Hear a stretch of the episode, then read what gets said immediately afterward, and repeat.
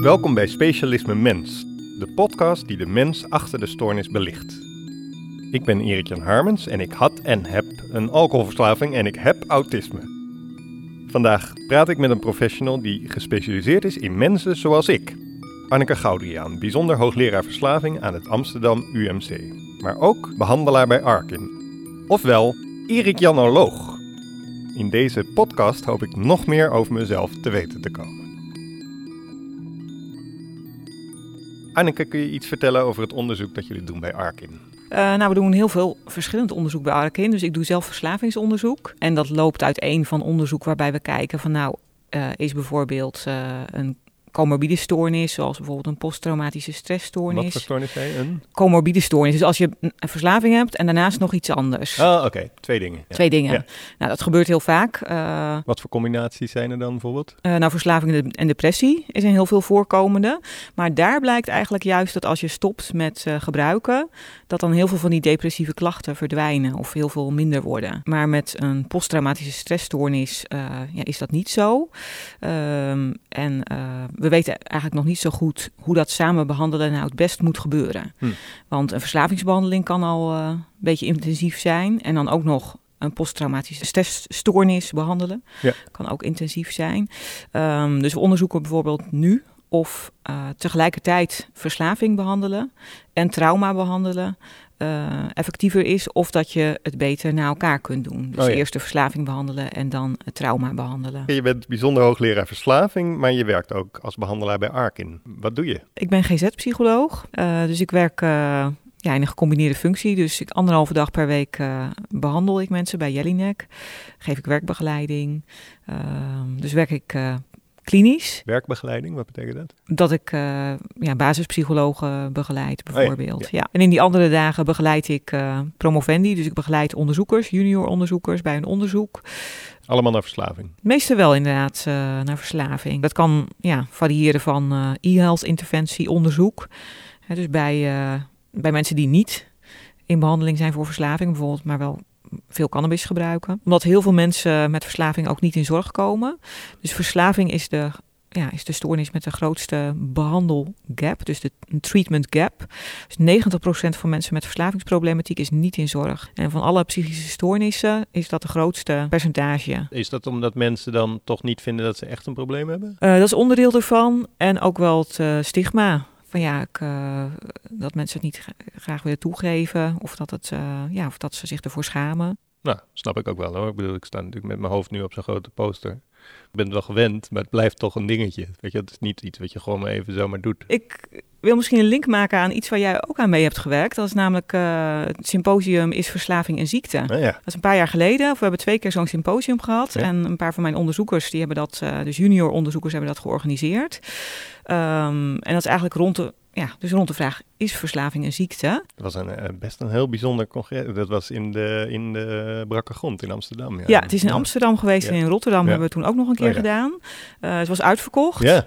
Uh, en het was echt gericht op ja, mensen, met, nou, mensen in herstel, maar ook hulpverleners, onderzoekers, algemene publiek. Um, en er was veel discussie ook veel boosheid en emotie en uh, ja. was van alles. Ja. Ja, dus mensen kijken er verschillend tegenaan, maar wat ik als, uh, nou ja, wat ik dan als hoogleraar probeer over te brengen, is dat het, uh, ja, echt, ik zeg, ja, het is een stoornis, net zoals je andere psychische stoornissen hebt. Dus ja, verslaving is daarin niet anders. En het is een ja, een aandoening waar je voor behandeld kan worden. Maar stoornis in, in welke zin? Kan je, kan je er iets meer over vertellen ja, wat dat betekent? Um, ja, waarom zeg ik nou stoornis? Hè? Uh, nou, dus omdat vaak ook de discussie is van is het een hersenziekte? Uh, die uh, periode heb je ook wel gehad. Ik zeg altijd het is ook een hersenziekte. Hè, depressie kun je zeggen van ja, het is ook een hersenziekte, want het verandert ook je brein. Het verandert het functioneren van je brein. Dus door verslaving, door verslavingsgedrag. Um, uh, dus als, ja, als je een verslaving krijgt, uh, heb je minder controle over je gebruik. Uh, en veranderen er ook allerlei processen in het brein, waardoor je ja, moeilijker kunt stoppen. Daar is in de maatschappij nog wel eens weinig begrip voor. Van nou, stop dan toch gewoon. Ja, als je eenmaal verslaafd bent, dan is het niet zo makkelijk om te stoppen. Nee, maar ik weet ook nog van dat congres dat op het moment dat je zegt het is een ziekte of een hersenziekte of een stoornis, dat er dan door uh, laten we zeggen, slachtoffers in de breedste zin van het woord. Hè? Dus het kunnen ook gewoon gezinsleden zijn die last hebben gehad van een zagrijnige of boze vader of wat dan. dat die dan zeggen van ja, ho ho, eh, maar je bent zelf toch verantwoordelijk voor wat je gedaan hebt, snap je? Dus daarmee, daar leek zeg maar het, het etiket van ziekte leek je te ontslaan van, je, van wat je gedaan hebt, begrijp je? En dat vond ik op zich wel heel begrijpelijk. Ja, dat vind ik wel, uh, dat is zeker een mooie. En ik denk dat, het, uh, ja, dat je wel verantwoordelijk bent om er zelf iets aan te doen. Dus om stappen te ondernemen. Maar ja, dan moet je wel beseffen dat er iets aan de hand is. Dat ja, neemt soms ook gewoon tijd in beslag, omdat er soms in eerste instantie misschien meer positieve effecten zijn van, uh, uh, ja, van middelengebruik dan negatieve effecten. En dat die negatieve effecten pas uh, wat later ja, in het ziekteproces, noem ik het maar even, of, hè, of als de verslaving al langer bestaat, dat die steeds sterker worden. Maar dat geldt denk ik ook voor als je een angststoornis hebt of als je een, of als je een depressie hebt. Maar dan kan het ook moeilijk zijn om hulp te zoeken. Mm. Maar dat neemt niet weg dat je inderdaad, dat je als mens verantwoordelijkheid hebt om, om er wat aan te doen. En dan is zeg maar verslaving niet een klassieke ziekte, dat je naar een dokter gaat en dat je dan een pilletje neemt en dat je beter wordt. Maar dat geldt ook voor, ja, voor angststoornissen of voor depressie bijvoorbeeld. Het heeft bij mij heel lang geduurd, voor, nou, zoals voor heel veel mensen geldt dat, dat het heel, heel lang heeft geduurd voordat ik hulp ben gaan zoeken. Ja. Maar dat kwam omdat er ook helemaal geen probleem was. Officieel nee, of dat, dan. Nee, of je zag het niet. Nou ja, ik zag het misschien deels wel, maar ik kon gewoon makkelijk doen alsof het er niet was ik leidde gewoon een soort Bourgondische levensstijl. Snap je? Dat is een heel breed begrip. Ja, heel breed begrip. En, het is, en alcohol is ook heel geaccepteerd in de maatschappij. Het is altijd van ja, op een borrel komen er altijd wel uh, glazen wijn en uh, ja, of uh, wordt bier geschonken. Hè, of, maar er zijn, liggen geen lijntjes kook. Nee, meestal niet. Nee, nee, nee terwijl er ook veel mensen zijn die recreatief kook kunnen gebruiken. En dat heeft echt met ja, de culturele acceptatie te maken. Dus alcohol is heel geaccepteerd. Dus uh, ja, als je daar een probleem mee hebt, dan is het, ja, is het in de maatschappij ook, uh, ja, word je er continu mee geconfronteerd. Ja. Maar mensen zien het ook niet uh, snel als een uh, nee, probleem. Maar ik heb zelfs tot de dag van vandaag, dus ik ben nu zes jaar niet drinkend, maar ik heb nu nog mensen uh, uit mijn omgeving die echt de vraag stellen, maar waarom kon je niet gewoon wat minder drinken? Die gewoon niet begrijpen waarom dat niet kan. Ja, dus dan begrijpen ze niet waarom je de controle verliest als je, want één onderdeel van verslaafd zijn is dat je de controle verliest. Dus dat je wil stoppen, maar dat het niet lukt. Ja, maar dan zeggen ze, waarom lukt dat dan niet? Waarom kun je niet gewoon één Westmalle drinken en dan stoppen? Waarom moet je er meteen tien? Snap je? Ja, nou, omdat je omdat je verslaafd bent geraakt en omdat het dus een stoornis is geworden, waardoor je minder controle hebt over je, over je gebruik onder andere en waardoor je sterker reageert op uh, nou ja, alcoholcues. Uh, nou ja, of als je bier ruikt of uh, als je nou ja, zo'n op een receptie of op een feestje mensen ziet drinken, hè, dan zie je dat, je ruikt het. Nou ja, reclames, dus van alles wat zeg maar de zin of de trek in alcohol doet vergroten.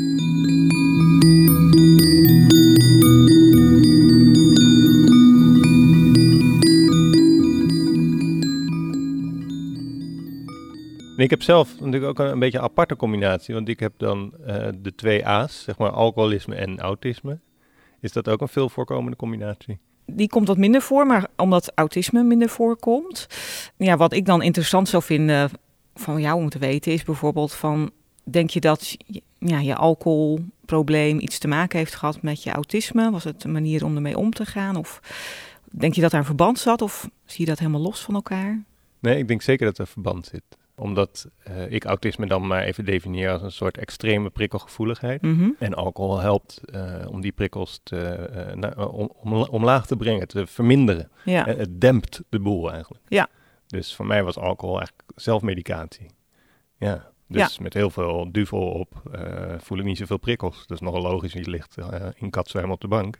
Maar dat was wel mijn gevoel, snap je? Ja, dus dan kun je er beter tegen. Ja, tegenovergesteld is ook waar, want ik ben nu zes jaar niet meer eh, gebruikend, of in herstel, of hoe je het maar noemt. Uh, dus dat is al zes jaar heel veel prikkels. Dus dat is wel een beetje de jammer keerzijde ervan. Ja, ja of daardoor is het uh, naar boven gekomen, terwijl het eerst, eerst gemaskeerd werd. Ja, dat is ook waar. Ja, dat alcoholgebruik. Ja, ja. ja. Ja. Maar wat is dan de meest voorkomende combinatie? Is dat verslaving en nou, wat we heel veel zien is eigenlijk verschillende verslavingen tegelijkertijd. Uh, dus van de mensen die bij Jellinek in behandeling zijn, uh, rookt 75% ja, ook. Ja. Dus dat is eigenlijk de, de grootste. Ja, daarna alcohol en cannabis bijvoorbeeld. Uh, en ja, andere verslavingsproblematiek en depressie bijvoorbeeld of angststoornissen. En als iemand drinkt en rookt, ga je dan zeg maar zeggen, want dat is een beetje het oude cliché natuurlijk, van nou, dat roken laten we maar even zitten. We gaan eerst dat drank, de drank aanpakken of werkt het niet meer zo? Uh, zo werkt het nou ja, zeker sinds kort niet meer zo, maar dat was wel het, uh, iets wat heel vaak voorkwam. Dat inderdaad vaak cliënten zelf, maar ook wel behandelaars zeiden van nou, het is al moeilijk genoeg als iemand moet stoppen met alcohol, hè, om dan ook nog het roken aan te pakken. Uh, maar we weten eigenlijk dat als je het tegelijkertijd aanpakt, dat je dan minder kans hebt om terug te vallen. Uh, dus dat het eigenlijk beter werkt. Ja, ik denk ook met uh, ja, de maatschappelijke omkeer eigenlijk over uh, roken. Uh, Jelinek ook rookvrij geworden. Oh. En dat betekent niet alleen dat er niet in het gebouw gerookt mag worden. Hè. Ziekenhuizen worden ook rookvrij. Maar ook dat er stoppen met roken interventies worden aangeboden. En dat iedereen wordt gevraagd die bijvoorbeeld voor alcoholproblematiek komt of voor cannabis. Nou ja, en drie kwart rookt ook. Van ja, wil je daar ook wat mee? Ja. En er zijn veel mensen die aan het begin denken van nou, dat lijkt me wel heel lastig.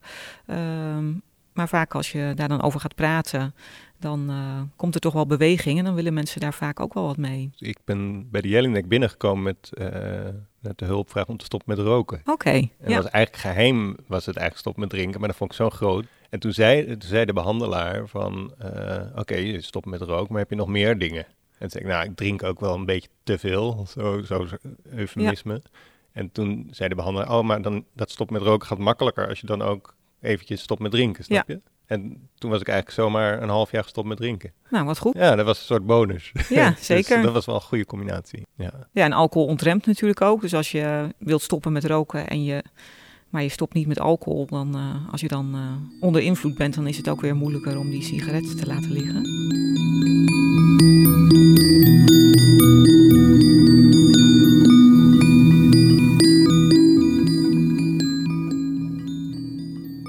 Maar als je kijkt, je zegt van je bent een paar jaar geleden Hm. behandeld hè, bij, bij Jelinek. Zes jaar, ja. Zes jaar Ja. geleden, ja. ja. Is een aardige periode geleden al.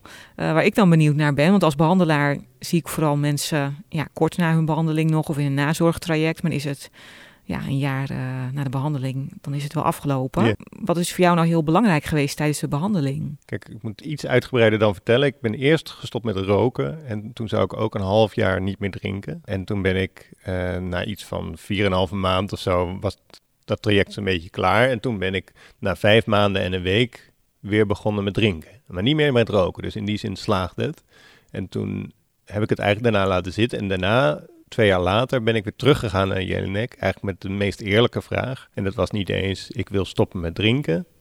Eh, dat was niet mijn vraag. Maar mijn vraag was, ik wil dat het stopt. Dat zei ik. En toen had ik dus een andere behandelaar. eh, want dat had ik gewoon gevraagd. Niet omdat die eerst niet goed was, maar gewoon ik dacht, ik probeer eens aan iemand anders. Een frisse blik. Een Ja. frisse blik. En dat was echt, echt gewoon omdat zij dus ook voorstelde om het te combineren met traumatherapie. Maar ook gewoon de vonk tussen mensen, snap je? En dat Ja. is toch ook heel belangrijk. Dus zijn natuurlijk allemaal heel erg deskundig, maar het is ook heel belangrijk dat je, dat je een, een klik hebt met iemand. En dat voelde ik heel erg sterk die tweede keer, dus daar was ik ontzettend blij mee. Ja, dat het goed voelt en dat het veilig voelt. Ja, maar ook omdat het. Kijk, die vraag, ik wil dat het stopt, drukt ook uit dat ik werkelijk iets ging doen waarvan ik niet wist hoe ik het moest doen. En dat is natuurlijk eigenlijk, klinkt heel simpel, maar ik ben eigenlijk gewend dat ik eigenlijk altijd zo'n beetje wel weet hoe, het, hoe ik het moet doen, snap je? Maar hier had ik gewoon geen idee. Het klonk als iets onmogelijks. Maar was dan, ik wil dat het stopt, had dat dan meer betrekking op je trauma dan op het eh, alcoholgebruik? Eh, ja, maar ook op het medicijn tegen het trauma, zeg Ja, maar. ja, ja. En, eh, zo, en voor beide geldt, zowel voor trauma als voor trek in alcohol, of craving natuurlijk. Ja, hè. ja. het is eh, draaglijk. Snap je? Het is wel heel moeilijk, Mhm. maar het is draaglijk. En dat eh, heb ik echt geleerd in die tweede cruciale therapie. Dat het dus te dragen is om die trek naar alcohol, die trek in alcohol, ehm, te laten bestaan. Hoe rauw hij ook voelt. Om dat gevoel te verdragen en Ja. om er niets mee te doen. voel of het om echt het zo in te- kiezen, ja. echt zo. Toen in ieder geval, Toen. het wordt wel minder, eh, veel minder. Ja, wou vragen, heb je dat nu dan ook? Nee, heel af en toe zie ik zo'n poster, zo'n abri van zo'n Duits biermerk met van die waterdruppeltjes op zo'n glas. Oh ja, en zo, ja. Zo helemaal, vind ik wel een beetje tricky. Vind ik niet heel leuk. Nee. Nee. Maar goed, voor de rest gaat het wel, maar dat zijn momenten. En met nieuwjaar vind ik zo'n champagneglas altijd lastig. En dat, gewoon, dat zijn van die rituelen. Maar voor de rest gaat het eigenlijk wel. Maar ik vond het zo'n opsteker. Dat je dus zoiets moeilijks toch kunt ondergaan. Want ze, ze zei echt van, ga dan maar zitten op een stoel, zoals wij nu tijdens dit gesprek op Ja. een stoel zitten. Mhm. En eh, voel die trek steeds groter worden, groter, groter, groter. En je zal merken dat hij dan op een gegeven moment ietsje minder wordt. Ja, ik vond het echt geniaal. Ja, je moet het, eh, ja, dat zolang, maar dat moet je dus, heb jij moeten ervaren Ja. tijdens therapie, dat het dus ook gaat dalen op een gegeven Ja. moment. En dat had je, die ervaring had je nog niet. Nee, en de truc is ook dat het eerste kleine dalingje is bijna al genoeg om zelf... Want dan merk je dus, oh, maar dan komt Hey, misschien daarna nog wel meer daling. En dat is ook dus zo. Dus ik vond het echt eh, fantastisch. Eh, en, en die trek wordt minder. dat, wel, dat wel. De craving wordt minder. Dus het is echt bij marketinguitingen soms vind ik het moeilijk, omdat die zo verfijnd in elkaar zit. Ja, En ja. zo appelleert aan dingen die ook in mij zitten. Dus mijn, al mijn zanghelden, eh, eh, eh, popsterren, helden en schrijvers. het zijn allemaal, wordt allemaal geassocieerd met drank. Hè, coole gasten, zeg maar. Intellectuelen die allemaal roken en drinken. Ja, dan heb je me wel, weet je, als je daaraan appelleert. En ik, bedoel, ik ben sindsdien heel veel gaan hardlopen. Nou, dat vind ik gewoon toch minder cool. Snap je? Ik vind het heel leuk om te doen, maar Ja. het is minder cool dan... Maar het is dan eigenlijk toch ook weer het culturele beeld. Dat Ja, zeg tuurlijk. maar eh, hè, dat eh, roken en eh, drinken samengaat met creativiteit en met, hè, met een cool leven. Ja. wat is dat dan een cool leven? Ja, dat weet ik ook niet precies. Nee. Een cool leven, wat je zegt, is in ieder geval niet een saai leven. Maar ik weet ook niet wat een saai leven is. Ik, bedoel, ik doe nu zoveel, vind ik zelf dan in ieder geval, hele leuke dingen. En als het gaat om creativiteit, ik schrijf eh, boeken, maar ik schrijf veel meer boeken dan vroeger, omdat ik gewoon veel meer tijd heb ook. Ja, dus je bent veel creatiever geworden. Eigenlijk ben ik ja. veel creatiever geworden, ja. Vroeger had ik ook dingen die ik met drank op had geschreven. Die ging ik daarna nuchter redigeren, nuchter editen. Nou, daar bleef weinig van over. dat is allemaal, allemaal kletskoek. En nu ben ik heel gefocust aan het werk. En eh, stijgt ook gewoon de kwaliteit. Dus dat Ja. is echt bijzonder. Het is geen, geen fabeltje. Het is gewoon realiteit. Nee, nou hartstikke mooi dat je dat zegt. Ja, ik vind Ja. het echt.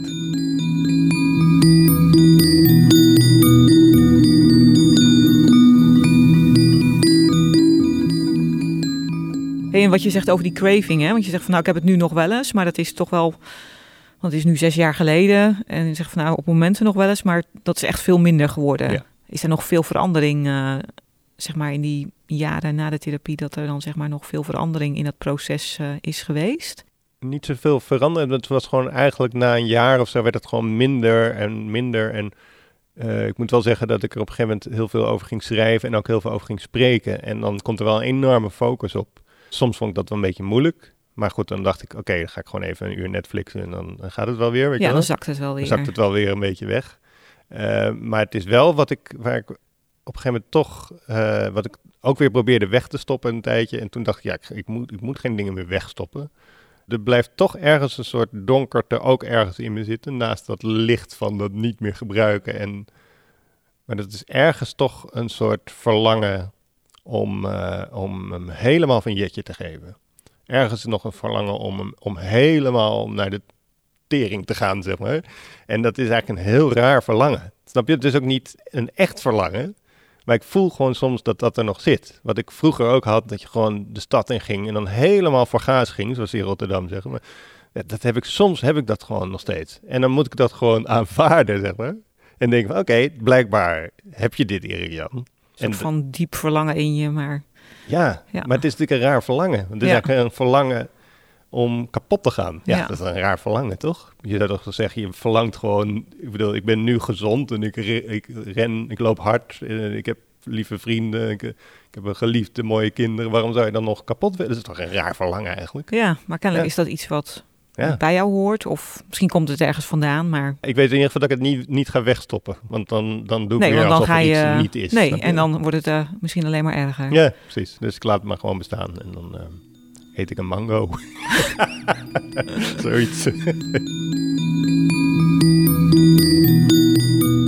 Dit was Specialisme Mens. Ben jij ook een GZ-professional die de mens achter de stoornis ziet? Solliciteer dan meteen bij Arkin op werken bij arkin.nl.